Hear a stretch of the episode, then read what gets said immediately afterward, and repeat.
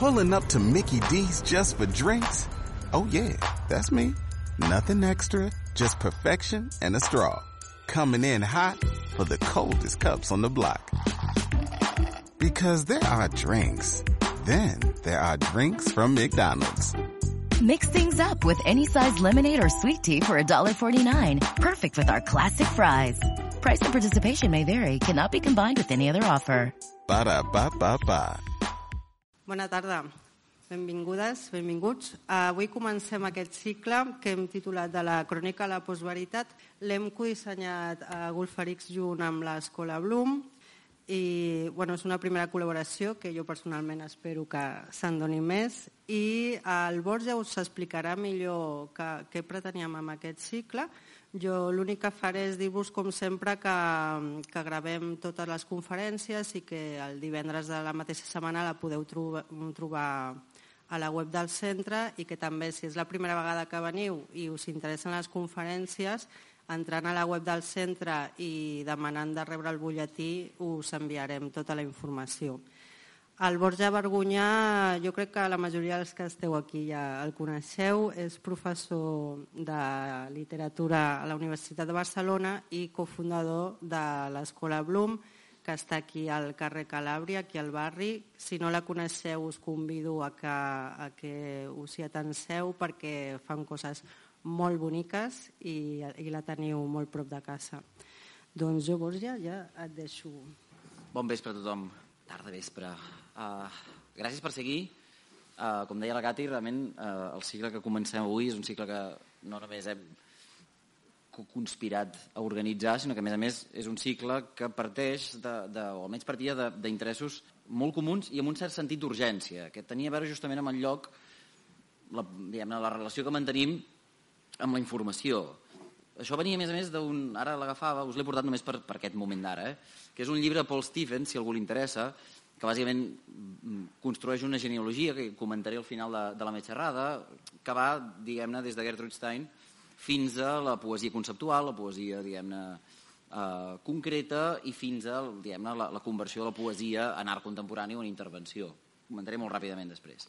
Però Paul Stephens començava observant una cosa que em va cridar molt l'atenció i que va ser també una mica els, el nucli d'aquestes xerrades, que tenia a veure amb el següent. Deia, bé, sabem, perquè ho podem saber, perquè Joyce ho va escriure, què portava Leopold Bloom a la seva butxaca no? el dia en què transcorre l'Ulisses, ho llista, no? és a dir, aquest 16 de juny de 1904, ho llista doncs, una patata, eh, una mica de ronyó que es demanava a la carnisseria, un quart de lliure d'una salsitxa determinada, Dennis, una carta de Henry Flower a Martha Clifford, un sabó de llimona famós que tots els dublinesos doncs, repeteixen cíclicament i ritualment quan van a, a, a Swenis, Max Swenis, em sembla es diu, Swenis, Swenis, la farmàcia, compren una targeta, un exemplar del diari, etc. Hi ha una llista de 10-15 ítems que porta Leopold Bloom a la butxaca. En canvi, Paul Stevens es fixa en el següent, diu, nosaltres, només pel simple fet de portar un telèfon mòbil, ja hem desbordat infinitament la quantitat de coses que podem portar en una butxaca. Essencialment perquè a través d'internet, si la tenim, això és una cosa que els tecnòfils acostumen a oblidar, no? que no tothom a tot arreu té internet, però no, els que la tenim, si en tenim,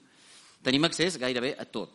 És a dir, a una totalitat i a una quantitat d'informació que no tindríem temps a la nostra vida de, de llegir, gestionar, assimilar o processar. Aquesta idea és una idea que si, us, si heu donat un cop d'ull a quatre coses d'art contemporani, o de, de, des de la fotografia o la postfotografia eh, fins a poesia contemporània o de la mena que sigui, cíclicament es va repetint. Kenneth Goldsmith, que també comentaré al final de la xerrada, una de les seves obres o les seves intervencions va consistir a imprimir la Wikipedia. Clar, era un projecte impossible, una vastedat que desbordava qualsevol eh, diguem possibilitat de publicació o d'impressió. Altres artistes s'han dedicat, per exemple, ara no recordo exactament el nom, el citava el Joan Fontcobert en el seu llibre Les notes sobre postfotografia, un, uh, un fotògraf s'havia dedicat a imprimir un milió i mig de fotos que, diguem en format postal, que òbviament doncs, inundaven una sala com aquesta i molt més gran, um, perquè era exactament el número de fotografies que es pugen cada dia, és a dir, cada 24 hores, a Flickr, que és aquesta, um, aquesta plataforma que coneixeu, no? doncs, bàsicament un repositori digital de fotografies, tu penges les fotos dels teus gatets no, o dels teus fills i tothom les pot veure. Un milió i mig de fotografies. Clar, es calculava que si miréssim aquest milió i mig de fotografies dedicant un segon a cada fotografia, trigaríem més de dues setmanes a haver-les vist totes. i es pugen cada dia. Per tant, ja veiem que la desproporció entre la informació que generem i la capacitat que tenim de processar-la, assimilar-la i molt menys integrar-la, recordar-la, aprendre-la o incorporar-la en un relat propi és, diguem-ne, immensa. Això hi havia, i, i aquest és el segon element d'introducció del cicle, eh, i de la xerrada, ja veieu que això no, no es distingeix, hi havia un, poem, un, un text eh, titulat Ultimàtum que va escriure Pessoa a principis de segle en la seva paròdia, joc amb l'avantguarda portuguesa del moment, en el qual jugava amb el que ell anomenava la, la llei de Malthus emocional o la llei de Malthus, diguem-ne, dels estímuls. Deia, eh, essencialment, que la velocitat amb què creixen eh, els estímuls, no se'n recordo si era exponencial, mentre que eh, la velocitat a la qual nosaltres adquirim la capacitat de processar i reaccionar a aquests estímuls és, no sé, aritmètica. Què vol dir això? Que essencialment tenim, estem tan sobreestimulats que la nostra capacitat de reaccionar-hi es torna eh, es desborda i, per tant, esdevenim justament al contrari d'estimulats, atrofiats, eh, insensibles, posar la paraula que vulgueu. I a partir d'aquestes dues idees vam pensar que seria interessant justament repassar quin era el lloc de la informació en la nostra experiència quotidiana, començant també per un altre dels problemes contemporanis que té a veure amb la postveritat, les fake news, tots aquests debats que han anat sortint últimament i que sabeu que són especialment importants, no com una mena d'entelèquia diguem-ne que ocupa acadèmics, sinó essencialment perquè estan decidint, orientant, influint en les, eh, els governs que assoleixen un poder i que, a més a més, legislen sobre la nostra vida quotidiana. Per tant, insisteixo que el tema eh, no només era interessant, sinó urgent. Eh, la, el cicle ja veieu, bueno, ja us ho mirareu, no vull ara parlar-ne massa, um, jo avui parlaré de la relació de la informació amb la literatura des del punt de vista de l'antagonisme, ara intentaré parlar una miqueta d'això, dimarts d'aquí 15 dies, ho dic bé, el, el 18 de febrer, vindrà l'Àlex Mates a parlar justament de la impostura, de la figura de l'impostor en la tradició literària, també és absolutament fascinant, en relació justament a la informació, a la privacitat i la manera com exposem o no exposem el que fins ara enteníem per intimitat, per un lloc, diguem-ne, de, del nostre jo més autèntic i alhora més no? inexpressable. Què ha passat amb aquesta figura? Si encara és possible o no en el nostre temps i on queda la possibilitat de la impostura eh, en el moment en què, o si ja només podem ser impostors, en el moment en què tota l'estona ens estem autorepresentant. Uh, L'Antoni Bassas uh, i, en, i en Ferran Sáenz ja parlaran des del punt de vista del periodisme i de la, de la filosofia, diguem-ne, d'altres uh, de problemes diversos, ho teniu aquí perfectament explicat, i anirem acostant-nos justament això, eh, com construeix la informació, la veritat, l'autenticitat, la dada, el periodisme, i com l'està pensant la filosofia uh, contemporània. El cicle és fenomenal, jo només espero estar una mica a l'altura uh, avui, per tant, i com que m'han dit que només tenim tres quarts d'hora i tendeixo com la informació a desbordar, um, només volia començar amb una idea, amb un parell d'idees que, que em semblaven molt boniques. La primera és una citació de T.S. Eliot eh, en què es lamentava d'aquesta saviesa que hem perdut en el coneixement, deia, on ha quedat aquella saviesa que hem perdut en el coneixement, on ha quedat aquell coneixement que hem perdut en la informació. Uh, deia T.S. Eliot, òbviament com un bon modernista conservador, amb anglès, a més a més, o anglosaxó, es plantejava justament i apuntava una qüestió que és, que és crucial, que és i que a més a més intuïtivament ja la coneixem, que és aquesta degradació del que abans s'entenia per saviesa en coneixement i del que s'entén per coneixement en informació. En aquí s'hi apunta una qüestió. Primer, que la línia va, diguem-ne, de menys a més. És a dir, tenim menys saviesa perquè tenim més coneixement, tenim menys coneixement perquè tenim més informació. No? És a dir, estem degradant l'un a l'altre.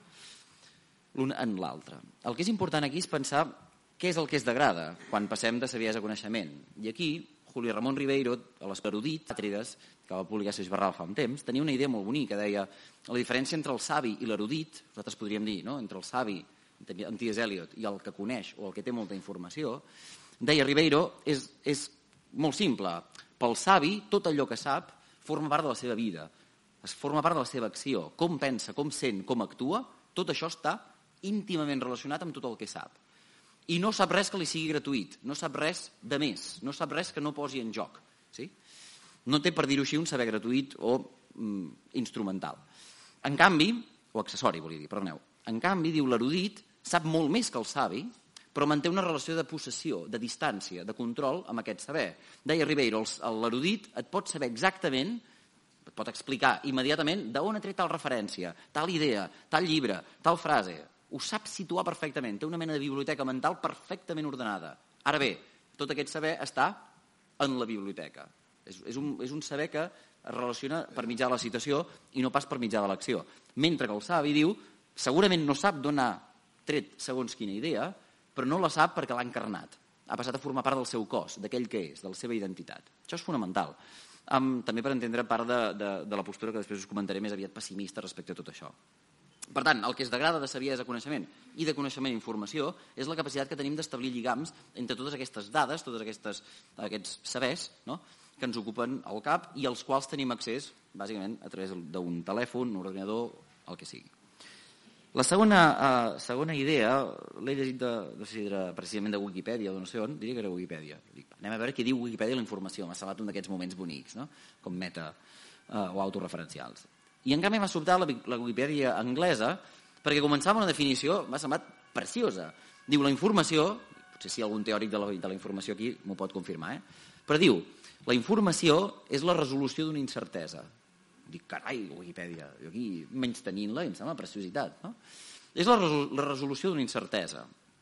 La informació, de seguida diu, a més a més, no és una dada. Una dada és una dada, una informació és una informació. La informació és la informació.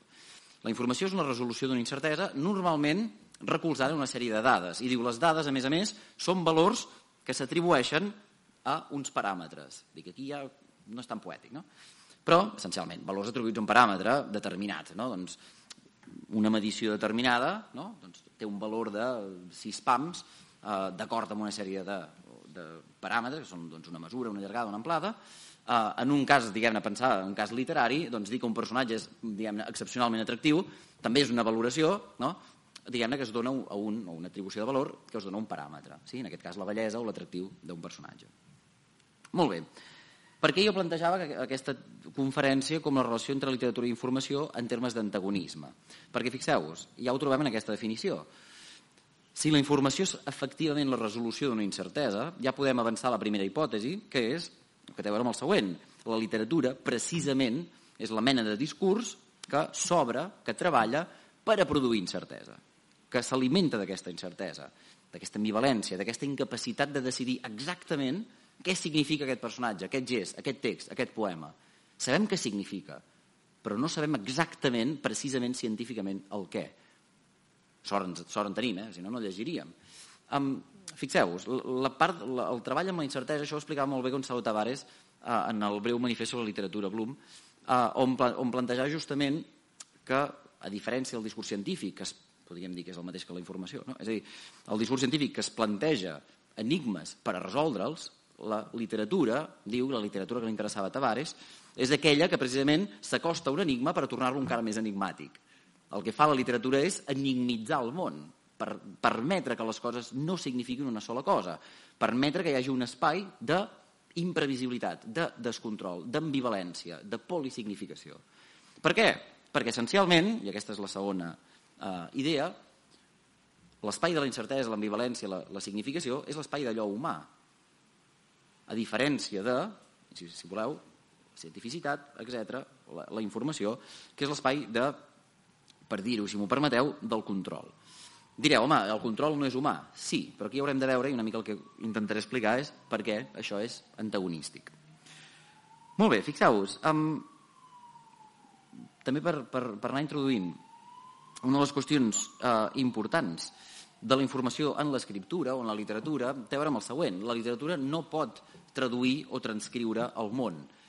Um, si ho transcrivís, i quan dic el món no em refereixo a la totalitat del món, que també, sinó a qualsevol element que vulgui representar la literatura, si vol representar un personatge o una escena o un món determinat, el que no pot fer és literalment transcriure'l tot. Aquest volcatge no és uh, literari, no és poètic. El, la poesia, la literatura, neix precisament des de la consciència de la traïció. Neix de la consciència de ser incapaç de crear un duplicat exacte de la realitat. Això ho tenim molt clar i això, després ho comentarem una miqueta, però això és el camp de batalla dels contes o de molts dels contes de Borges. Si heu llegit Borges, moltes de les seves metàfores, molts dels seus contes, una i altra vegada estan insistint en aquesta eh, separació de la realitat i l'art en termes de resum, de reducció, de tria, de selecció. L'art és art perquè exclou. La gràcia no és que exclogui o no exclogui, sinó què exclou i què deixa entrar. Fixeu-vos, si heu llegit Borges us recordareu immediatament. Dues de les figures clàssiques de Borges són, en aquest sentit, eh, diguem-ne, clarividents. La primera explica, eh, en un text que està titulat, eh, que està inclòs, perdoneu, a El Hacedor, explica el destí d'un eh, imperi en el qual hi havia els millors, els millors cartògrafs diguem de la història, però que eren cartògrafs que havien construït mapes que coincidien, diu Borges, punt per punt, amb la cosa mapejada, amb el territori. Per tant, per saber on era la catedral de Santa Maria del Mar, havies de caminar sobre el mapa fins a la catedral de Santa Maria del Mar, perquè si no, no sabies on era. És dir, era un mapa UU. Clar, què va passar? Òbviament, Borges ho explica fenomenalment en un paràgraf, eh? és un conte d'un paràgraf. Uh, òbviament, doncs, aquests mapes es van tornar absolutament obsolets perquè eren inútils. Abans d'arribar a saber, és a dir, només puc arribar a saber on és la cosa sabent on és la cosa perquè hi he d'anar per saber on és. No sabeix per res.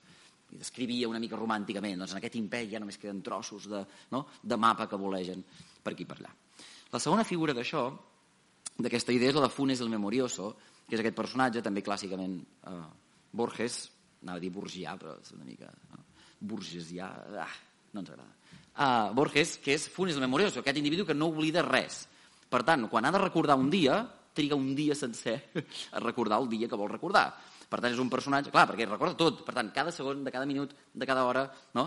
de tot el dia. Llavors, és un personatge que ha acabat destinat a la immobilitat, la paràlisi en una, en una sala fosca esperant la mort, òbviament, perquè l'únic que pot fer és no introduir més informació en el seu cervell, perquè la recordarà tota, recorda exactament tot, quants cabells de tota la gent que hi havia aquell dia que va fer una conferència a la Casa Golferix. Per tant, per recordar aquest moment, ho recorda tot. Clar, les metàfores, a part de ser absolutament genials, um, il·lustren una qüestió que Borges tenia claríssima, que era la impostura, és a dir, si voleu, la qualitat retòrica del realisme. El realisme, essencialment, del punt de vista de Borges, no era pas més fidel a la realitat que la ciència-ficció o el gènere fantàstic o qualsevol dels altres gèneres que pugueu imaginar. Um, per què no? Perquè en tots casos hi havia una traïció al real. Mentre que, la diferència amb altres gèneres, el realisme simula aquesta fidelitat, i la simula molt bé. Com la simula? Aquí entrem a la qüestió de la selecció i l'exclusió. La simula eh, precisament perquè sap triar molt bé el que Maupassant, el pròleg de Pierre Jean, que és una novel·la de 1888, explicava com l'art de la selecció dels moments representatius. Escriure no és, òbviament, i això ho han sabut tots els escriptors realistes, no és transcriure. Escriure consisteix a saber detectar aquells moments, la descripció dels quals generaran un efecte de vida, generaran un efecte de representativitat. Per explicar tota una relació entre dos personatges o tota la història d'un poble, n'hi ha prou aquest és l'art, amb ensenyar això, això i allò altre. Amb aquests tres moments ja ens fem la idea de qui han estat aquests dos personatges, qui ha estat Madame Bovary i la seva relació amb Charles Bovary, o quina ha estat la història dels seus amants. Si haguéssim d'explicar-la literalment, no ens entraria ni una enèsima part de res del que acabo de dir. Per tant, dèiem-ho passant, hereu de Flaubert, deixeble, vaja, de Flaubert, precisament que l'art de l'escriptor realista consisteix a saber detectar el moment representatiu i a saber deixar fora, deixar, és a dir, excloure, a elidir, a resumir, a apuntar o a suggerir tots els moments que són morralla, que són repetició, que són redundants. Sí? Clar, la gràcia d'això és que ho ha de fer de tal manera que sobre simuli el passar de la vida, que simuli el transcurs del temps tal com l'experimentem. Cosa que és especialment difícil perquè la nostra vida, ens agradi o no, està plena de morralla, perdoneu la paraula, està plena de moments morts. Um, d'aquell que és especialment angoixant si ets un adolescent, diguem-ne, romàntic, eh, que és aquesta ambició de que tots els moments contin, de que totes les històries siguin diguem, extremadament eh, intenses i de que no viure cap, cap, cap ni un eh, moment gris. Clar, precisament perquè la nostra, aquesta ambició és interessant perquè és, òbviament, irrealitzable.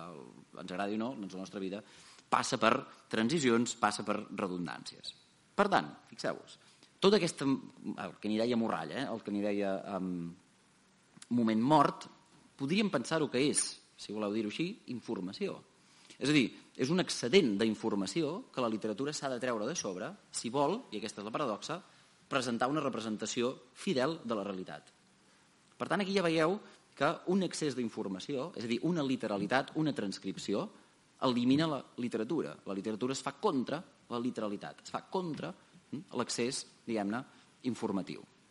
Maupassant planteja una manera de resoldre tot això. Ara en veurem algunes altres, però en planteja una.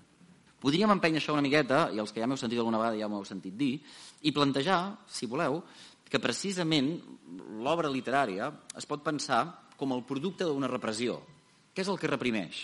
Reprimeix, en el fons, una informació crucial, si voleu, una dada crucial, depèn de com ho plantegem.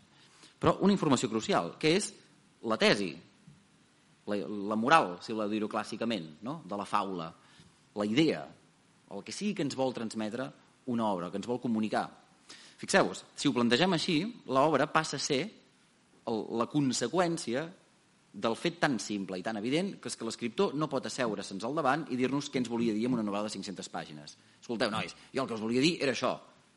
Per això no calen 500 pàgines, ho entenem. Per què?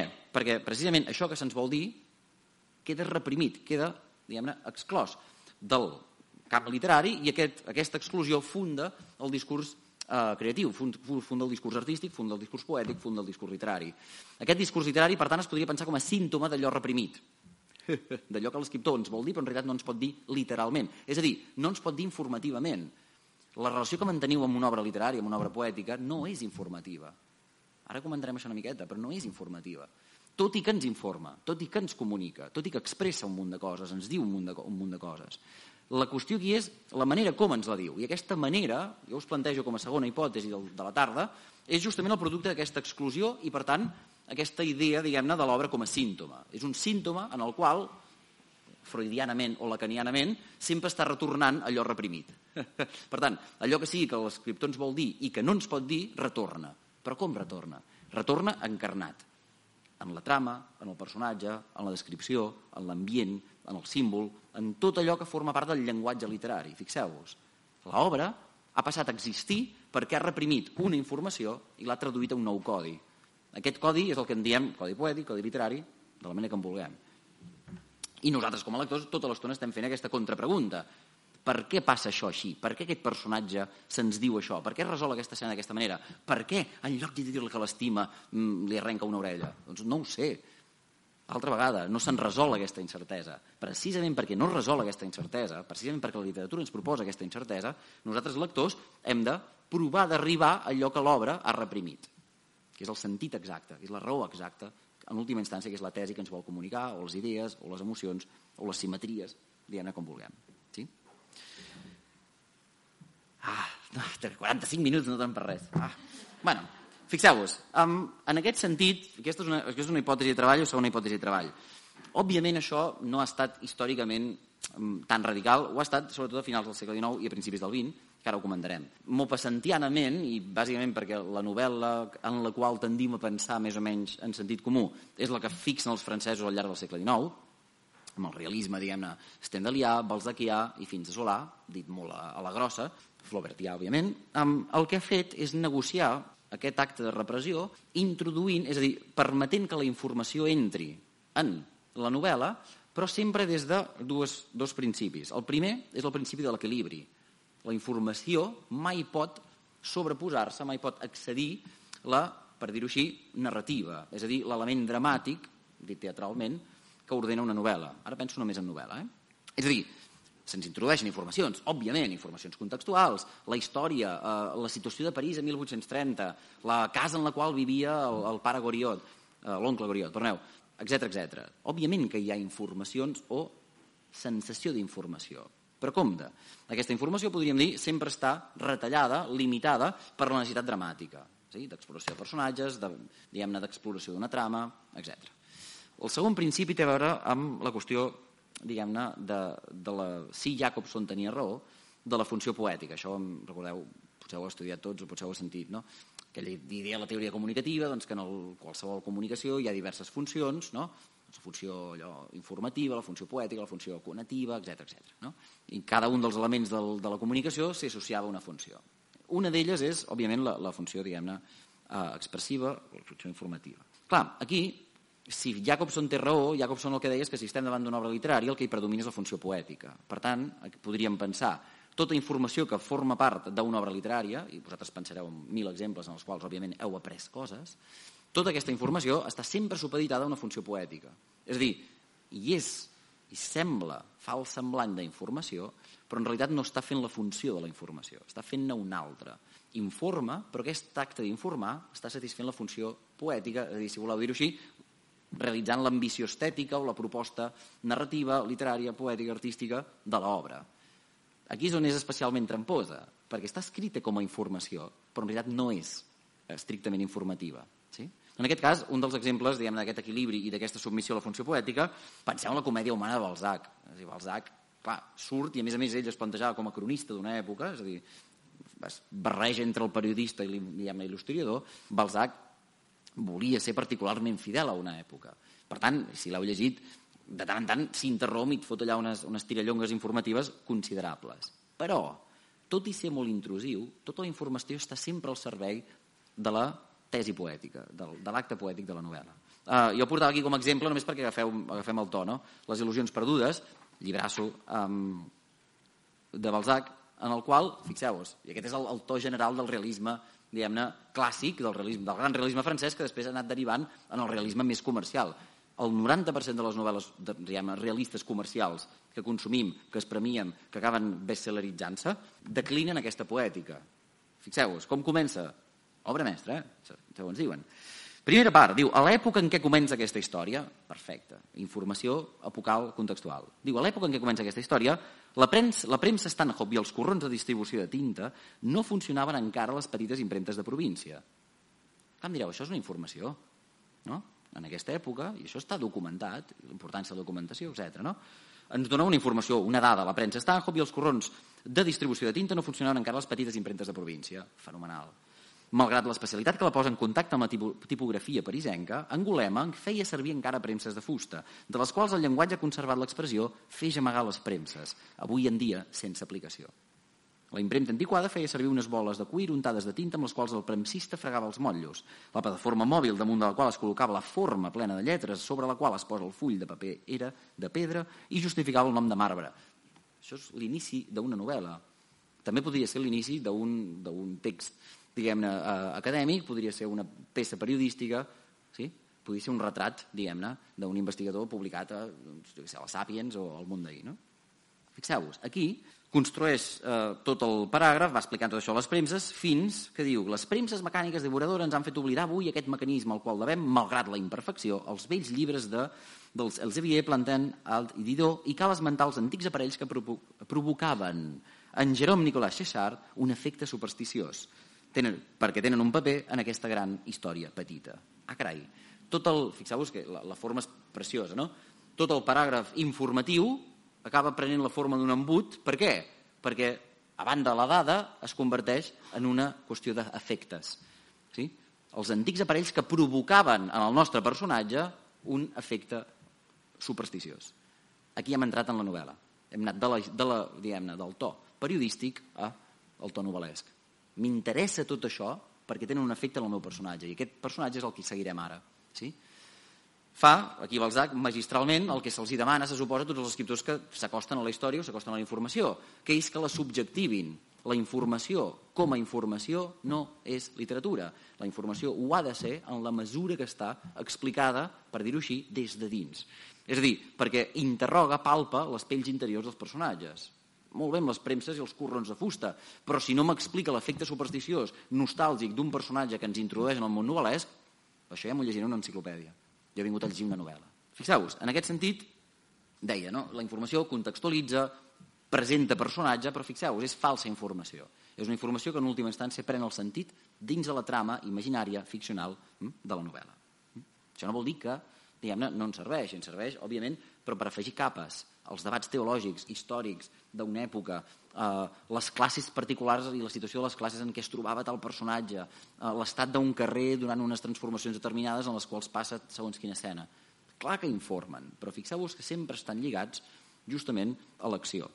Estan lligats a l'exploració d'un món interior o estan lligats a la tesi que explora aquí Balzac. Si no hi ha aquest lligam, com dèiem abans, el coneixement, la saviesa, es degrada en informació. Nosaltres podríem dir la poètica, no? la poeticitat, la literarietat, es degrada en informació. Sí? Hipòtesi 2 de treball d'aquesta tarda. Per tant, podríem dir que la informació, sempre que hi hagi, en, o sempre que entra en literatura, és una informació viva. Com fer aquesta informació viva, com encarnar aquesta informació. Hm? Aquest és un dels reptes, ja veieu, des de que l'escriptor comença fins que acaba, és a dir, des de eh, els primers textos que tenim i que ja disputaven aquesta relació, els textos homèrics, si voleu, les Odissees i les Ilides de Torn, en les quals també tenim, si les heu llegides, doncs, moments en els quals el text passa a fer una mena de funció enciclopèdica, fa uns llistats, diguem-ne, de uh, genealogies de déus, etc i de divinitats, i nosaltres ens hi costa entrar-hi perquè allà veiem una informació en marxa que ja no és una informació viva, no ho és per nosaltres també culturalment, no ho és per nosaltres socialment. Però fixeu-vos que és un dels reptes, insisteixo, que als quals s'enfronta tot, eh, tot escriptor. S'hi enfronta, per, pel que comentava, sempre i quan vulgui buscar-hi un equilibri. A partir de la segona meitat del, eh, del 19, concretament a partir d'un any després d'aquest 1850, és a dir, 1851, topem amb un llibrot que canvia la relació dels escriptors amb la informació gairebé per sempre, que és Moby Dick, si l'heu llegit. Clar, què, què recordem de Moby Dick?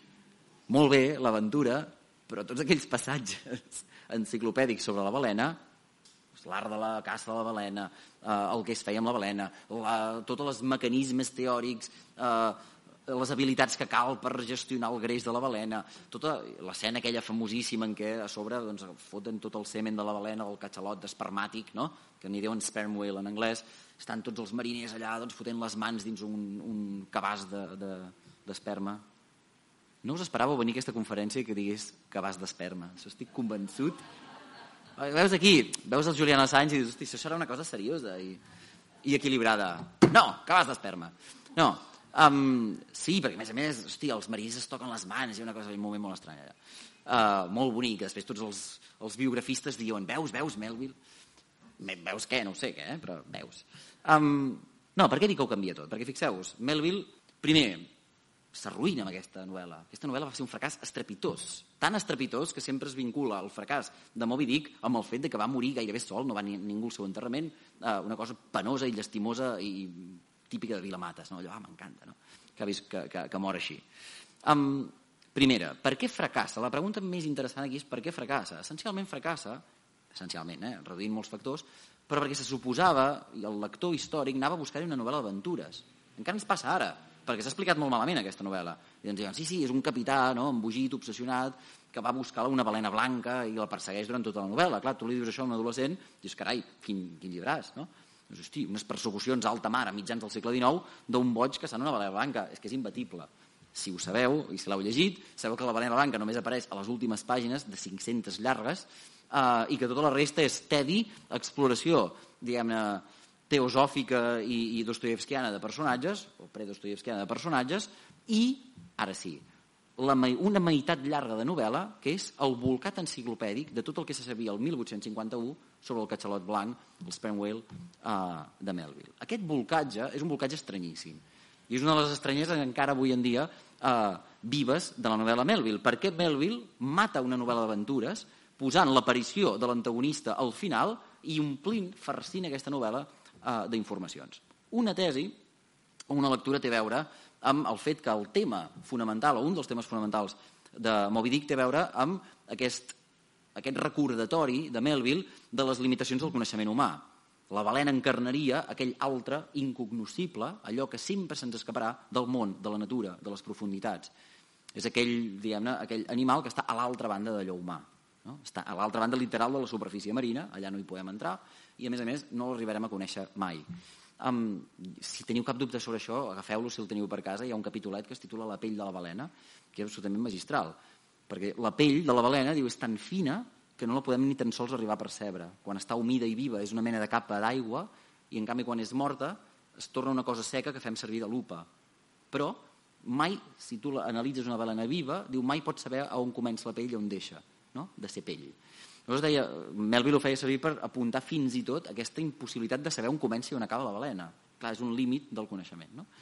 Um, penseu també en els tatuatges de Quiquec, no? del, del, del company diguem d'Ismael, penseu a més a més en, en el fet que Quiquec el va tatuar un mestre i Quiquec, que té tot el cos tatuat, no sap què signifiquen els tatuatges que porta a sobre.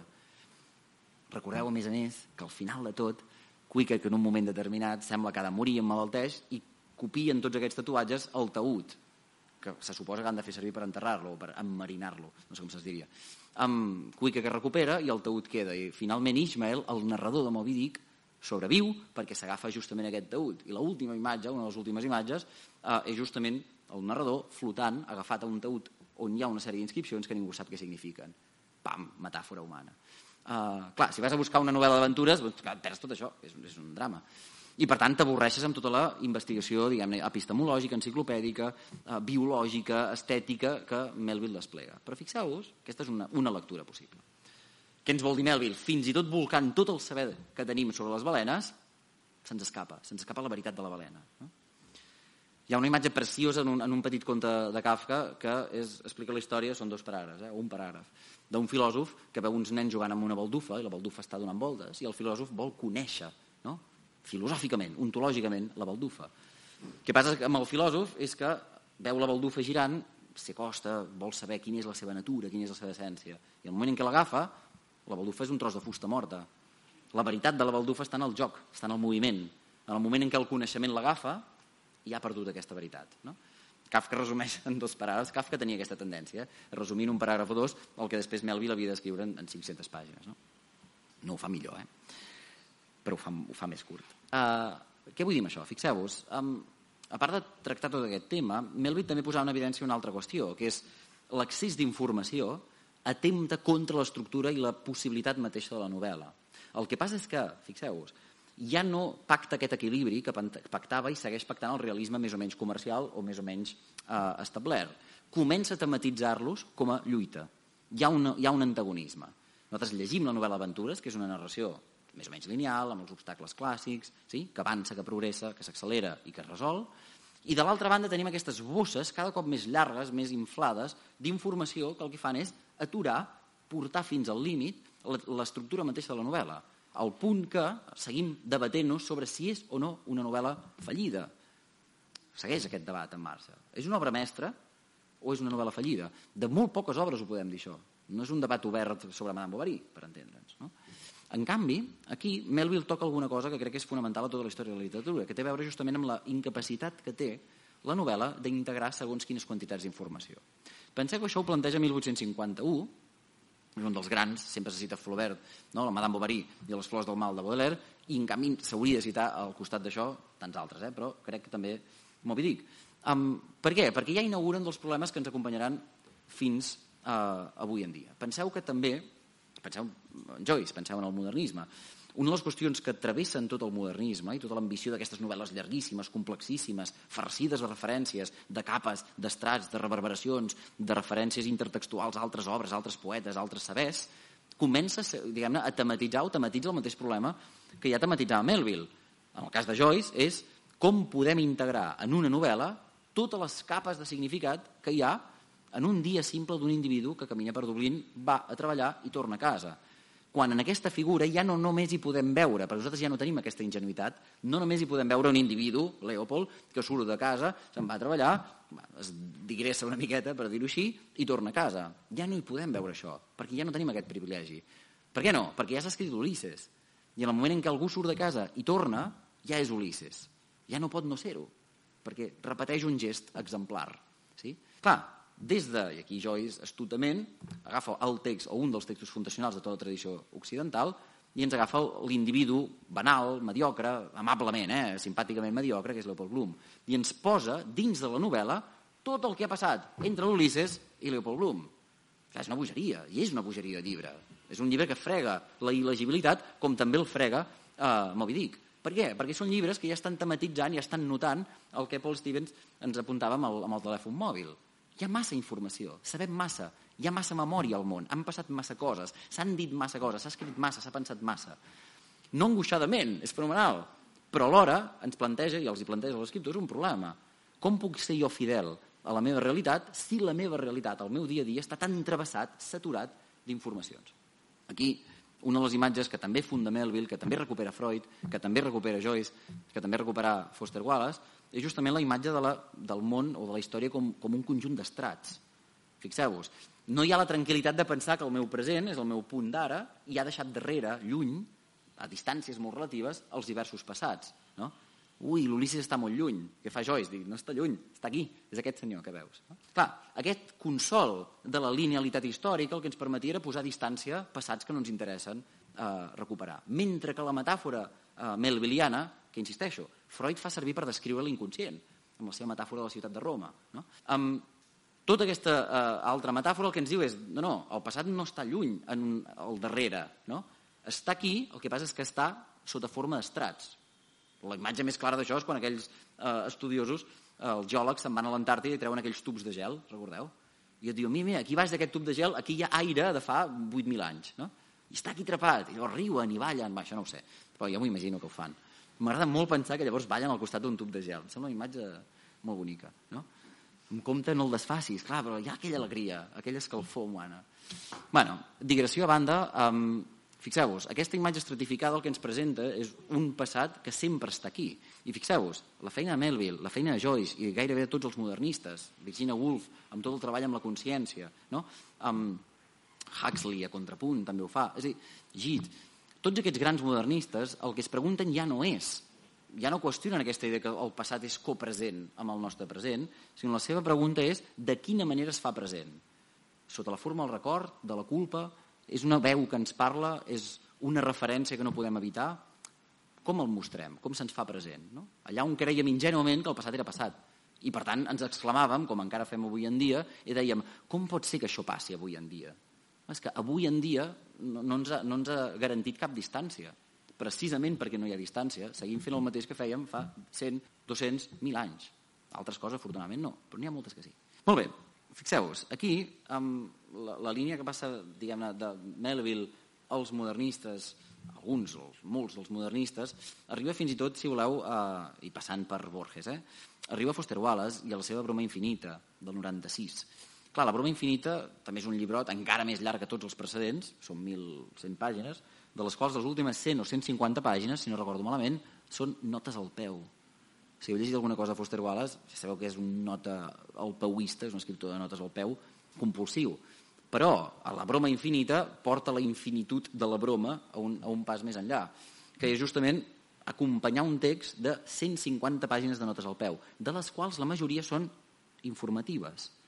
Una de les qüestions que obsessionava Foster Wallace, com a bon periodista anglosaxó, americà en aquest cas, um, tenia a veure justament amb aquesta tensió melviliana entre la informació que hi ha darrere de cada cosa que s'ha escrit, que s'ha imaginat, de cada personatge, de cada, en aquest cas, droga que consumeix, dels efectes de cadascuna d'aquestes drogues. Um, el, el text de, de Foster Wallace, si no l'ha llegit, treballa i planteja un tema absolutament fascinant, que en el fons també és molt melvilià. Canvia l'obsessió per l'addicció. Allà on el segle XIX estava travessat d'obsessionats, demoníacs, no? allò, teològics, eh, el segle XX està travessat d'addictes. Hem canviat l'obsessió, en el qual encara hi havia alguna cosa romàntica, per l'addicció.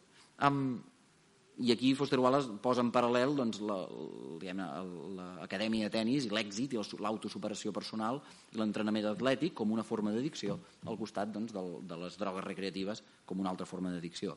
Essencialment aquest control del cos, no? que faci tot el que vulgui que faci, que ara que se senti bé, que se senti feliç, que se senti descansat, que se senti amb energia, no? hi ha una pastilla per cada cosa. Bé, um, fixeu-vos que aquí Foster Wallace recull, recupera aquesta, aquesta idea i altra vegada torna a fer un llibre gairebé il·legible. Molt poca gent s'ha llegit les 150 pàgines de notes al peus. Um, llegim la novel·la, més o menys, tal, però després arriba allà i dius, bueno, mira, aquí la descripció en tres paràgrafs de com un component químic realitza una sèrie d'operacions neuronals, mm, potser no em cal, no? Um, Part d'això té a veure justament en portar l'experiència de lectura al seu abisme, és a dir, al seu límit. Més enllà d'això, ja no hi ha literatura, hi ha una altra cosa. I nosaltres necessitem aturar-ho per poder fer què? Aquesta és la gran pregunta. Per poder mantenir un, un si voleu, un cert, una certa possibilitat de sentit. Tornem a la idea de la saviesa, el coneixement i la informació. Fixeu-vos, l'accés informatiu va en contra del coneixement, va contra la saviesa. Essencialment perquè dissol funciona com un agent dissolvent del sentit. Per això el cicle és tan interessant, crec, perquè estem en aquest moment. La nostra experiència està molt més propera a la il·legibilitat de Foster Wallace que no pas la narrativa de Flaubert, ens agradi o no. Per això té aquest efecte consolador, el realisme, i per això ven tant. Perquè ens agrada obrir un llibre en les quals cada cosa que hi passa és motivada, s'explica amb la quantitat ui, eh, exacta de paraules, les escenes estan mesurades, equilibrades, hi ha les informacions necessàries. Això ens consola. Però per què ens consola? Perquè no vivim ja en aquest món. Vivim en un món en qual la informació ens devora, sabem massa, tenim massa estímuls, hi ha massa notícies. Això és un horror. Mira, miro només per l'hora. No, però és especialment horrorós. No heu dit alguna vegada, no volia saber això. No ho heu pensat? No volia que algú em contactés, que em diguessin això, que m'arribés d'aquesta manera, que m'arribés tal notificació. És constant. És a dir, alhora, i aquesta és la contracara que parlarà l'Àlex Mates d'aquí dues setmanes, hi ha moments en els quals no volem ser exhibits, no, no volem ser consumits com la informació per part d'una altra, de la teva vida, de què has sopat, d'amb qui has quedat, aquestes coses que constantment i insensatament volquem sobre la nostra pròpia vida. No? Per què estem fent això? Per què estem constantment a convertir-nos en informació i sent consumits com a informació? El que sigui que es perd aquí és el que tematitzen tant Melville com Joyce com Foster Wallace. Hi ha alguna cosa al sentit mateix de l'humà. Allò humà recolzen un equilibri, recolzen una narrativitat, recolzen un sentit. Al moment en què afegim tanta i tanta informació, tot això entra en crisi. Per tant, d'alguna manera, hem de trobar noves formes de fer equilibri. Aquesta, si voleu, seria la, la, la perspectiva um, pessimista, o, o com a mínim humanista o, o tardohumanista. No? Contra això, o paral·lelament a això, si tinc un minut ho explico molt ràpidament, hi ha tota una altra tradició, que és la que us apuntava en aquest llibre de Paul Stevens, um, de Gertrude Stein fins a l'escriptura conceptual.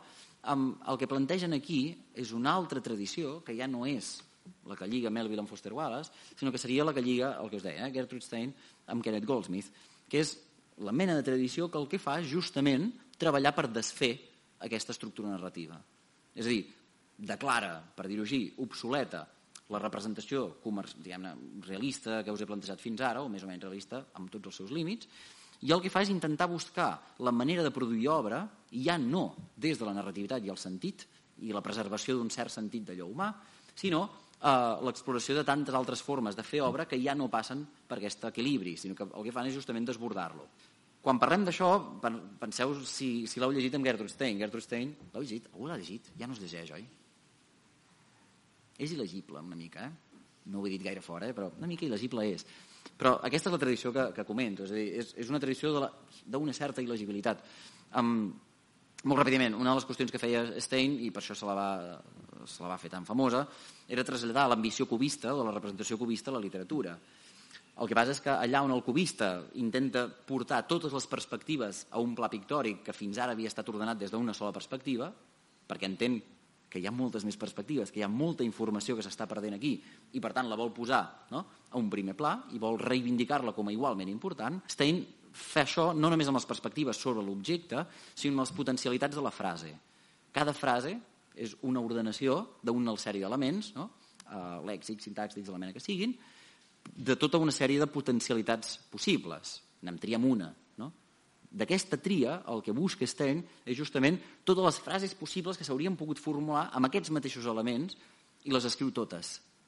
Hi ha uns retrats, eh, busqueu-los, estan traduïts, eh? tres retrats, o, o retrats, o autoretrats, no recordo com ho deia, amb, sobre més més pintors que havia conegut, Matisse, Picasso, un dels més famosos és el retrat que escriu sobre Picasso, i que és un retrat en el qual va afegir una sèrie d'idees, però cadascuna d'aquestes idees està formulada de totes les maneres possibles en què es pot formular aquesta idea.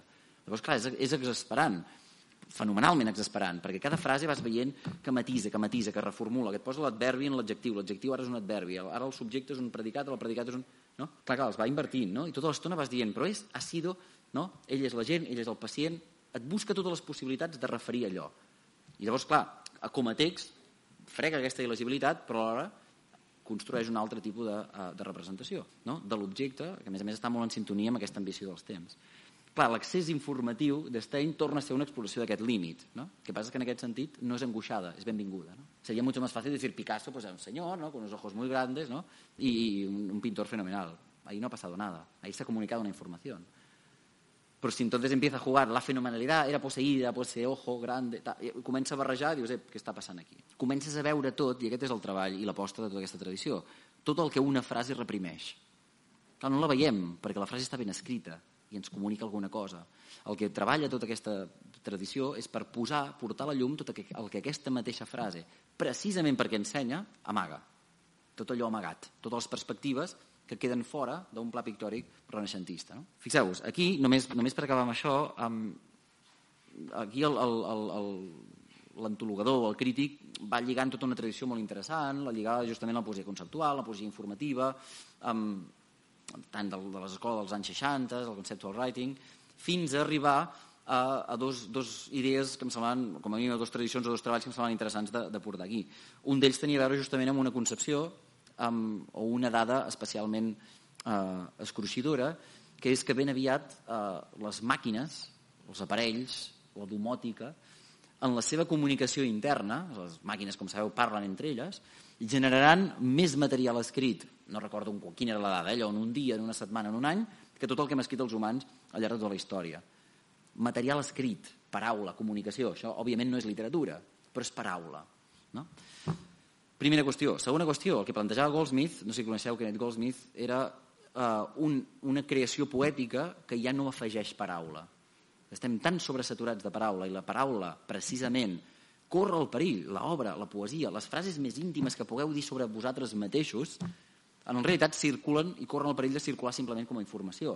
Nosaltres les plantegem com una gran comunicació, com un acte poètic, com un acte íntim, però en realitat precisament perquè estan tan sobresaturats d'informació, corren el perill de ser computats com uns i zeros, com una informació més, una frase més, etc etc. Fixeu-vos que el perill i l'esforç que hem de fer nosaltres és aturar-nos en una frase, en un titular, en un cas, i reconstruir-lo, dotar-lo de profunditat, extreure'l d'aquest flux informatiu. Si està en el flux informatiu, és mera informació, i allà no hi ha ningú. Allà tant podria haver-hi màquines comunicant entre elles, com és els humans no, esputant frases. Kenneth Goldsmith agafa aquesta idea, com Fontcoberta utilitzava a partir de la postfotografia, i diu, bé, doncs ja no cal escriure paraula per ser poeta. No sé si el coneixeu, però Kenneth Goldsmith el que fa és transcriure coses, transcriure paraules fetes. Uh, una de les seves obres va consistir en agafar l'exemplar del New York Times que va sortir l'11 de setembre del 2001 i transcriure'l. I el va copiar tot. Des del titular, totes les dades de l'editorial, tota la lletra que hi havia en aquell llibre, en aquell diari, perdoneu, ho va volcar en un text. Li van sortir 600 pàgines de text, no em pregunteu com. Clar, té sentit tornar a llegir el New York Times? Segurament no. Però Goldsmith a sobre, és molt divertit perquè és molt, molt barrut, no? Um, a sobre diu, no, és que jo no escric poesia per ser llegit. És que la meva poesia no l'ha llegit ningú, és il·legible. per tant, la poesia ja no és ni l'obra que resulta perquè ja no té a veure amb una expressió d'una interioritat.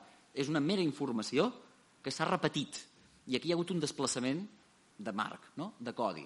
Per què? Perquè això circula com a mera informació, això és un diari que refereix una sèrie de coses que han succeït, tal com han succeït, molt entre cometes, i en canvi la còpia de Goldsmith s'assigna com a obra poètica.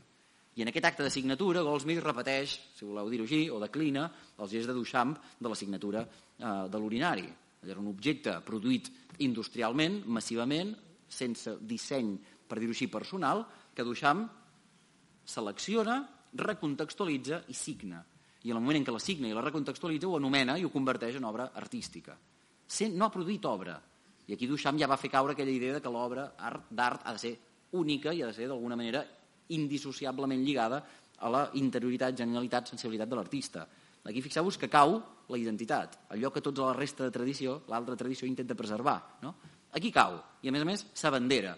La meva eh, obra poètica consisteix en aquest mínim de subjectivitat, en aquest mínim d'intencionalitat que s'amaga darrere de la tria. He triat transcriure aquest text i no un altre text. He triat fer això. Per tant, és l'acte no? d'intervenció, de tria, el que genera poeticitat o el que genera artisticitat. Penseu que és el primer poeta llorejat del MoMA, un paio que va circular per tot arreu um, i que presumeix de no haver escrit mai cap paraula, que en realitat escriure en el sentit antic no n'ha escrit cap. No? El que ha fet és transcriure, no? repetir. Clar, què vull dir amb això? I, i per acabar, fixeu-vos, el... i tanquem aquí un, una, una altra cosa, i acabo molt ràpidament, amb, que tenia a veure justament amb, aquesta, amb una cosa que també circula avui en dia, ja per acabar amb el tema, que és la, la qüestió de la utilitat eh, i de com la informació ha substituït aquella màxima horesiana clàssica no? de l'instruir de l'actant. No? El poder seu delectare, és a dir, s'ha d'ensenyar, s'ha d'instruir el teu lector, però alhora l'has de no, amenitzar, has de fer que s'ho passi bé. Fixeu-vos que ara estem en un moment en el qual, ja com a reflexió de coda, eh, en el qual encara hi ha aquesta mena de lector que el que vol d'un llibre és aprendre'n alguna cosa. No? Estem en un moment de, de caiguda de la ficció. Jo per llegir allò que ha imaginat un senyor doncs no m'interessa en absolut. No? Jo ja que llegeixo vull aprendre. I aquí és on tota aquesta literatura històrica, comercial, balzaquiana o post-balzaquiana ha seguit sobrevivint. Segur que coneixeu algú, potser vosaltres mateixos ho heu dit alguna vegada, no? De dir que, a més a més, he pres un munt de coses. No? Clar, aquí, ja per, per acabar, és molt interessant veure com el bestseller no, ha incorporat la informació com una, una manera de, justament, simular aquesta instrucció. No? Um, tenia un exemple aquí per llegir-vos, però és, és un exemple molt espantós, per tant prefereixo, si voleu comentar alguna cosa o preguntar alguna cosa, Um, si no, ja us llegiré aquest exemple. Una mica la idea, insisteixo, anava, um, anava per aquí. ho he plantejat una miqueta esquemàticament per qüestions de temps, però ja veieu que el, el tema és, és immens i apassionant. Um, no sé si teniu cap pregunta o... Perquè em sembla que tenim 5 minuts, 10 minuts. Sí. Eh, 10 minuts. sí. sí. El, perdó, passaré el micro perquè si tothom sentirem la pregunta i també com que hi ha poquet temps sí que us demano que siguem el més breus possible totes, d'acord? sí. Hola. Hola, buena tarde. Sí. Primero que todo, felicidades. Bueno, yo me he quedado con algo muy importante porque tú has hablado sobre que- lo que es el sentido, la responsabilidad de la palabra misma. A ver, yo he trabajado toda la vida en psiquiatría clínica social, me apasiona. sí. Y justamente a- ayer por la noche yo escribí para mi grupo de amigos de la universidad y todo, sí. le hice un artículo a Emilio Lleno, filósofo español, Correcto. y le, y le casqué. ¿Por qué motivo? Porque él defiende la responsabilidad de la palabra misma, que no se puede objetar la palabra en cualquier precio. ¿Por qué? Porque falta el sentido crítico. Y mi pregunta es la siguiente. Te puedo tutear. Tú has hablado de algo maravilloso, de lo que es el conocimiento, la sabiduría y la información. A ver, vamos a ver. Yo que me he dedicado toda la vida y una humilde mm, trabajadora, activista y, peli- y peliona como sea, yo defiendo mucho lo que es el sentido de la palabra. ¿Por qué? Porque la palabra es el primer atributo con que la persona se hace comunicar en una interacción social. ¿no? Ahora lo siguiente, tú has dicho que el- el- el- la información anula la sabiduría. Claro que anula la, la- la sabiduría y el conocimiento. ¿Por qué? Porque estamos en una sociedad tan saturada de tanta información, porque falta argumentar, definir, ser principalmente crítico, crítico, para poder dar una información, una formación de todo lo que nos rodea. Segundo punto, y me, me falta otro, es lo siguiente. Todos los gobiernos, yo le quise dar a entender a Emilio Lleno que él puede decir lo que, dijo, lo que ha dicho ayer cuando me llegó esa información por parte de la universidad, de un amigo, profesor de la universidad, que me decía, mira cómo habla el profesor Juliano de tal, pero es que él está criticando que falta conocimiento porque es libre la palabra, pero si no se intelectualiza es vana. Perfecto, pero él está diciendo dentro de su posición y él queda corta y fue donde yo lo casqué. Porque él tiene que ponerse al lado de los obreros, de los trabajadores que no tienen su capacidad de intelecto. Y la tercera, yo termino con esto. Me da lástima, me da pena que muchos hombres intelectuales sabios monopolicen el conocimiento y la sabiduría y no le, y no le den al pueblo esa libertad de tener Bueno, claro. sabiduría. Sí, y esto, no. con esto me quedo. Y con esto termino. Sí. Que sigas la universidad, vosotros, ya que muchos países no tienen lo que haces tú con la libertad de expresión de palabra. Sí, sí. Enhorabuena. No, totalmente. Sí, que ya, sí que hay una cuestión que es... Claro, yo no, no lo planteaba desde ahí, pero sí que, claro, una de las... Y hay muchos temas aquí. Y hay que ir con cuidado en, en el hecho de pensar que la información es en sí, en sí ah, negativa. Yo no- no, no quería suscitar eso, sino sencillamente en su relación en lo literario. Dentro del espacio literario es un antagonista. Otra cosa es cómo la, in- la información circula en un campo social. Ahí la información puede ser y ha sido liberadora, es una herramienta de auto, comprensión democrática. Ahí es todo otro tema. Es decir, precisamente una de las cuestiones que ha abierto la red social y el exceso de información no simplemente le- al llegar hacia nosotros como exceso, sino precisamente también poder vehicular informaciones que hasta ahora estaban controladas por otras, por otras figuras de poder. Y eso es fenomenal. A dir, claro, ah, i un dels retos, ja, seguint la idea de la literatura, té a veure justament amb què farà l'escriptor eh, que ja és nadiu d'aquesta era ultrainformativa i hiperconnectada. És a dir, nosaltres no podem, i un acte de nostàlgia seria fer el que, el que intentava plantejar amb el bestseller o el que intentava plantejar amb, aquest, amb aquesta cosa realista comercial, que és seguir representant el món com si això ja no estigués en joc, com si no estiguéssim això, hiperconnectats, com diu Lipovetsky, no? uh, o hiper saturats d'informació. Aquesta saturació té un potencial creatiu. El cas de Goldsmith, que he apuntat molt ràpidament, eh, d'Stein i tota aquesta colla, és una tradició particularment interessant, encara que sigui molt, escept, o sigui, molt esquiva i molt críptica, però és important perquè reconeix l'existència d'una quantitat d'informació sense posar-se a la defensiva. Hi ha un element conservador en tota la tradició modernista, com hi ha un element conservador en Foster Wallace. Encara es volen agafar una certa idea de, uh, d'humanisme que segurament és impossible o que, que té, una, té una capa nostàlgica.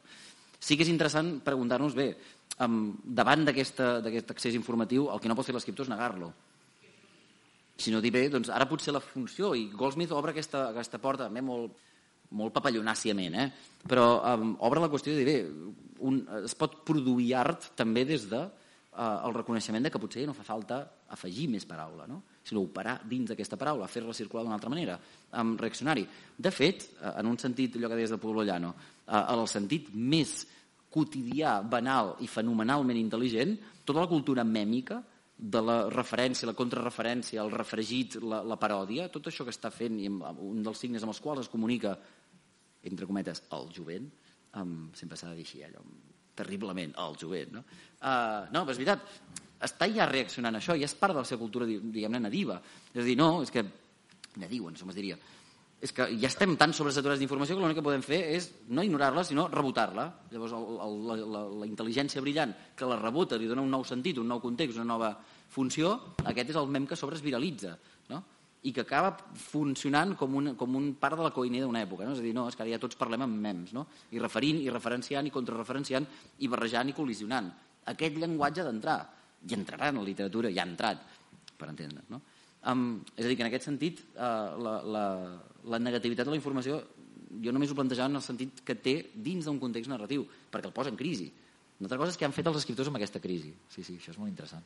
És que Hola, bona nit. no porto les ulleres. Sí, sí. Mira, eh, donar-te les gràcies per la teva ponència, eh, molt interessant i molt estimulant. Gràcies. Jo et volia fer una pregunta. Eh, era molt interessant quan has parlat de saviesa i erudició. Mm -hmm. I la meva pregunta seria, es pot ser savi sen, sense ser erudit? Clar, bona pregunta. Aquí hauríem d'anar a tota la, la tradició, diguem filosòfica clàssica, no? Grecs i llatins. Um, jo la, la, el plantejament que agafava de Ribeiro, que també l'agafava de Montaigne, és, és aquesta tradició sagística, et diria que sí. És a dir, que l'erudició, la diferència aquí seria, òbviament, i aquí no, no volia plantejar la idea d'un savi ignorant, eh? Uh, el savi ignora perquè amb dues coses en té prou. Sí i no podria, algú fins i tot podria arribar-te a defensar que sí, jo no ho defensaria. És a dir, el savi, òbviament, ha llegit, ha pensat, ha conegut, però el savi inclou alguna cosa que l'erudit no té, o que la figura clàssica de l'erudit no té, que és aquesta cosa ara tan arnada, o bueno, ara tan reactualitzada de l'experiència. És a dir, el savi ho pot ser també uh, fora d'una biblioteca, i precisament perquè ha sortit d'aquesta biblioteca, mentre que l'erudit ja és una forma d'especialització de la saviesa. Jo crec que aquesta tradició el que està pensant és justament el que Adorno anomenava la departamentalització eh, del saber. No? És a dir, el saber, diguem en un sentit clàssic, eh, era una ambició de totalitat. I això ho deia, eh, ho explicava molt bé els estudiosos de la idea de paideia clàssica. Deien, algú, diguem, en la Grècia clàssica, l'ideal de la paideia, del savi, no? eh, del saber, era eh, essencialment poder detectar per la manera com algú entra en una sala i camina que aquesta persona ha llegit, que aquesta persona sap per què? Perquè el saber no és una cosa que es té, és una cosa que et travessa. I aquesta seria la, la separació. Mentre que l'erudit ja està especialitzat i ja s'adreça i es relaciona amb el saber des de la possessió i des del control, que mencionava abans. El té, però no té per què permetre que el travessi. Per tant, no és tant una qüestió de que el, sap, el savi sap més o menys que l'erudit, sinó la mena de relació que manté amb el saber. No? Aquí hi ha, un, hi ha un pressupòsit tàcit que és el que tu apuntaves, no? que el savi potser sap i ha llegit el mateix que l'erudit, podríem dir. No? Però la relació que manté amb aquest saber és diferent. Precisament perquè és una relació diferent, es pot permetre d'haver llegit menys. L'erudit tendeix, en la seva figura paròdica, a acumular compulsivament, bulímicament. No? És a dir, devora i, i revomita, devora i vomita, però no ha passat res en el cos, no s'ha assimilat. La metàfora orgànica aquí està, està molt lligada. No? Mentre que el savi digereix i pa, tot el lloc que llegeix i pensa passa a formar part literalment del seu cos. No? Um, aquesta seria una miqueta la separació. Un savi que no digereix res, no, clar que no ha menjat res. Aquí hi ha la coqueteria de Montaigne, si heu llegit els seus assajos, no? de jo que no sé res, jo que, jo que oblido tot. Dius, bueno, sí, Montaigne, tu, tururut, t'has dit tots els clàssics 50.000 vegades, te'ls saps del dret i al revés. Hi ha una part també de coqueteria eh, en la figura del savi, que l'erudit potser no té, perquè està ocupat llegint. Clar. Uh, no sé si anaves per aquí, eh, però... Sí, sí. Una pregunta petitíssima. Sí, sí, jo, si ens deixes... Acabarem escrivint sense punts, sense comes i en petits paràgrafs? Sí, home. Professor. no, no ho sé. Um, sí, ja ho estem, ja ho estem fent. Um, mira si ho estem fent, um, que s'ha convertit, això pots dir, ostres, quan ho fa Joyce, el monòleg de la Bloom, quina meravella, quina, quina sinfonia de paraules i recontraritmes. Oh, arquitectònic, no? Ni la catedral del mar. No, um, que és un espant, eh? Pensar una, una cosa catedralícia. Um, sortit molt malament, això. No, però entenem, no? És una, cosa, una, una arquitectura increïble. Um, això s'ha anat... Beckett després t'ho fa, t'ho han fet molt, molta gent. Ara ja és el llenguatge que fa servir la poeta d'Instagram. Amiga, quan està, està tan posseïda per, un, per una emoció turbulenta que no pot permetre's de posar un puny i una coma. No, perquè jo lo siento así, esto es lo que siento y lo mi sentir me desborda. Trrrra. I llavors vinga likes, perquè ah, tu sentir, companyera, rock and roll... I el que li ha passat és que s'ha menjat un sàndwich que no, l'ha decebut. Jo esperava més d'aquest no? morcón i pues, le falta pimentón. Ah, Instagram, 10.000 likes. No? Després Moby Dick, puc, no? va morir sol. Um, sí, sí, sí, estem aquí.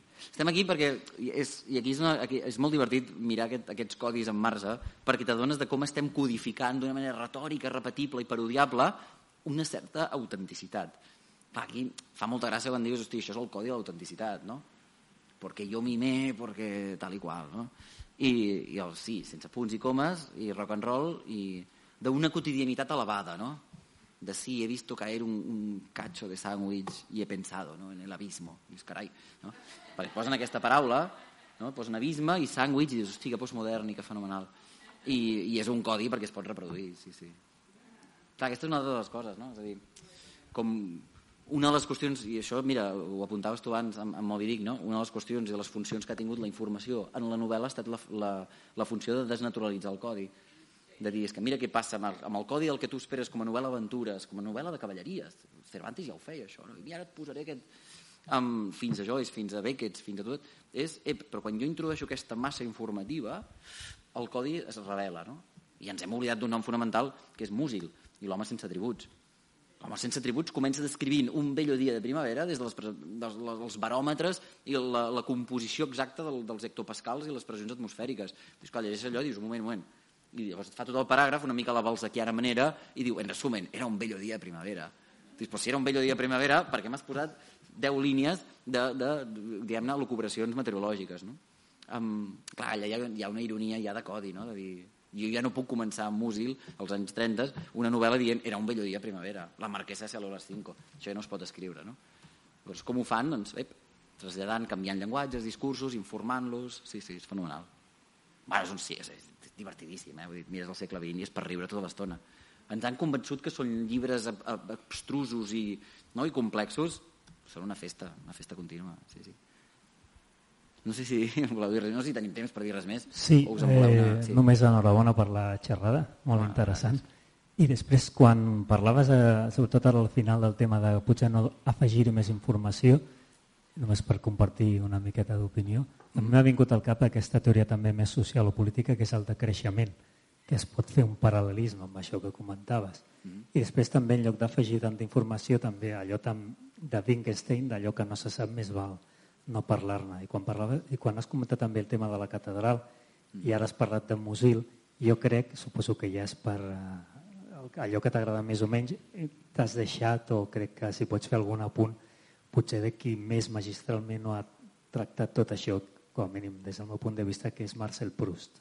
Bueno, clar, clar. Sí, sí, no, això que deies del decreixement, um, bé, també venia aquí pensant una altra de les coses de, del cicle, no? que és la qüestió de la infoxicació que es parla, no? és dir, aquesta intoxicació informativa, amb, que va acompanyada també de la idea de la bombolla informativa. No? És a dir, d'una banda, i són part de les tensions del nostre moment, no? és a dir, d'una banda estem sobreinformats i de l'altra estem infrainformats. I és una de, les, de, les, de la mena del estadi doble quàntic en què estem vivint tots. Tinc un munt d'informació, però ara no m'arriba tota la informació perquè no m'arriben tots els punts de vista. Per què? Per la, els algoritmes, les xarxes, les tries pròpies, el fet de que no volem que algú ens contradigui tota l'estona o que ens diguin la versió de l'altre, el que acabem fent és sentint tota la gent que està d'acord amb nosaltres. L'exemple aquest clàssic és, ostres, com pot ser que no hagi guanyat el meu partit si tothom que segueixo Twitter vota el mateix que jo? Dius, bueno, perquè tothom que segueix a Twitter vota el mateix que tu i pensa el mateix que tu. No? És dir, d'una banda estem sobresaturats d'informació, de l'altra la qualitat i la diversitat de la informació que rebem també està en tensió. No? Um, aquí hi ha moltes respostes, clar, part d'una de, de, d'elles és limitar tot aquest accés no? I, i tornar, una, a, a, a, tornar reprendre una de les qüestions fonamentals que té a veure amb aquesta qüestió del coneixement i la saviesa, que és prefereixo entendre bé una cosa que no en coneixen malament una altra, o cent d'altres. No? Um, la contracara d'això té a veure amb tota aquesta idea del, shallows i dels bàrbars del barico, que eren la idea del surfeig, no? com a metàfora més o menys positiva o animada o optimista d'aquesta manera que tenim ara de moure'ns per la informació. Si la onada del tsunami diguem informatiu ens ha d'ofegar, l'art consisteix a surfejar, no? és a dir, a fer una poètica a la superfície delicada, ja, ja suposo que ja en parlarem més endavant, um, però aquesta és una qüestió. L'altra qüestió, clar, Proust, amic, has tocat el, el gros. Um, clar, Proust és fascinant. Jo recordo una professora uh, que vaig tenir, um, Nora Catelli, grandiosa, si l'heu sentit alguna vegada, és absolutament fascinant escoltar-la. Um, si podeu sentir-la, vaja. Um, ja no sé si es prodiga gaire. Però clar, ella construïa tota la lectura de la recerca del temps perdut a partir de la idea de l'anècdota. Que deia, clar, anècdotos significava allò que no és digne de ser escrit per tant, és allò que bueno, és anecdòtic, és superficial, és informació. és a dir, és dada, però no és un moment rellevant de la meva pròpia experiència. En canvi, Proust instal·la i construeix una catedral immensa, i això sí que és catedralici veritablement, set volums de, uh, d'un art i d'una fenomenologia increïble de la memòria, precisament basant-se en l'anècdota.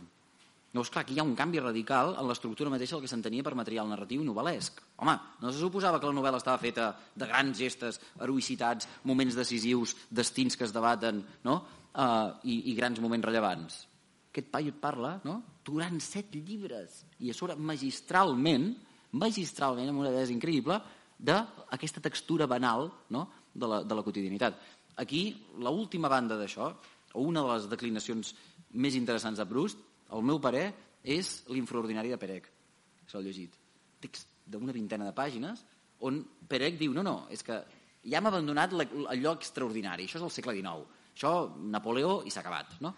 Um, després que entra amb, el, amb tot el modernisme, l'ordinarietat, l'ordinari, Leopold Bloom, gent ordinària, gent que no són particularment genials, extraordinaris, no fan res fora del comú i aquesta és la seva extraordinarietat. El treball que fa l'escriptor modernisme amb el, amb el material ordinari de la vida. Però després arriba Perec i diu, no, no, és que hi ha una cosa que encara és més ordinària i menys narrada, que és l'infraordinari. Llavors, què feia Perec? El mateix que feia Eggleston amb les seves fotografies. Es faré una fotografia d'un forn. Doncs jo escriuré i faré el llistat de les coses que tinc a la nevera un 3 d'agost de 1963. I, I això és el text. Llavors, aquí no hi ha relat, no hi ha sentit, no hi ha la captació d'una textura, d'una constel·lació tan mínima i tan banal que ningú l'hauria notat. No? Doncs clar, Proust i Perec en aquest sentit, és a dir, l'anècdota prustiana i, i l'infraordinari de Perec estan en, estan en un diàleg directe. No? Com capturar això? Que també mereix. No? I aquí l'aposta artística té a veure amb això. No sé si anaves per aquí, eh? però clar, hi ha un, amb la pregunta per la informació i, i la captura de la informació, fixeu-vos abans deia, hi ha un munt de moments morts a la nostra vida, morralla, fet servir, no? Clar, tota aquesta, tota aquesta dimensió del que arrogantment anomenem morralla, històricament ha estat tot el que grans moviments literaris han anat reincorporant i reintroduint en la novel·la per tal de precisament valoritzar-la. L'afirmació forta aquí, tant de Proust com de Perec, és aquí hi ha una, una veritat. No és la mena de veritat que hi havia en les grans gestes napoleòniques i en les grans heroïcitats del XIX, no l'és, però hi ha alguna mena de veritat. I aquesta veritat potser sigui més important o més humana o més delicada o més bonica que la que portem explicant-nos durant segles. No? Això, una altra sessió seria interessant examinar-ho des del punt de vista del que li passa a la història. El discurs històric li passa el mateix. I què fem quan portem segles explicant la història de l'art, de la literatura, política i sociocultural des de les grans gestes i els grans herois, dels grans homes, no? principalment. Què passa amb la gent com nosaltres? Bueno, no us conec de res, potser sí. Sou tots individus extraordinaris i heu inventat penicilines bis. No ho sé, jo no. Per tant, um, no, però sí que hi havia la sensació de dir jo no sóc històric. És a dir, si ho penseu en el nostre moment, en qualsevol moment sempre ha estat així, però en el nostre moment és, és esclatantment evident. La majoria de nosaltres estem al costat de la no història. És a dir, la història la fan des d'aquest punt de vista. Eh? Els grans eh, genis, les grans innovacions, les grans originalitats. Trump és més històric que nosaltres i no de geni no té bueno, no sé, no, no m'ho sembla um, i en canvi aquesta consciència que la majoria immensa de la població humana viva que ha viscut i que viurà està considerada no històrica no forma part de la història majúscules què passa amb la història minúscules? No? I una mica Proust crec que és el, el, el sant patró eh, amb Montaigne per allà baix eh? però um, és el sant patró d'aquesta història minúscula, no? anecdòtica, banal, gairebé invisible. Sí, sí. No s'hi anaves per aquí, eh, però... Però clar, per vostè es mereixeria dues conferències i això, perquè... Feliç de donar-les, eh, algun dia, però, però sí, sí. No sé si... Ho deixem aquí. Sí? Uh, moltíssimes gràcies, Borja. I Home, a vosaltres... A que ha vingut. A vosaltres per aguantar 20 minuts. a més. Salut. What if you could have a career where the opportunities are as vast as our nation, where it's not about mission statements, but a shared mission? At U.S. Customs and Border Protection, we go beyond to protect more than borders, from ship to shore, air to ground, cities to local communities. CBP agents and officers are keeping people safe. Join U.S. Customs and Border Protection and go beyond for something far greater than yourself. Learn more at cbp.gov/careers.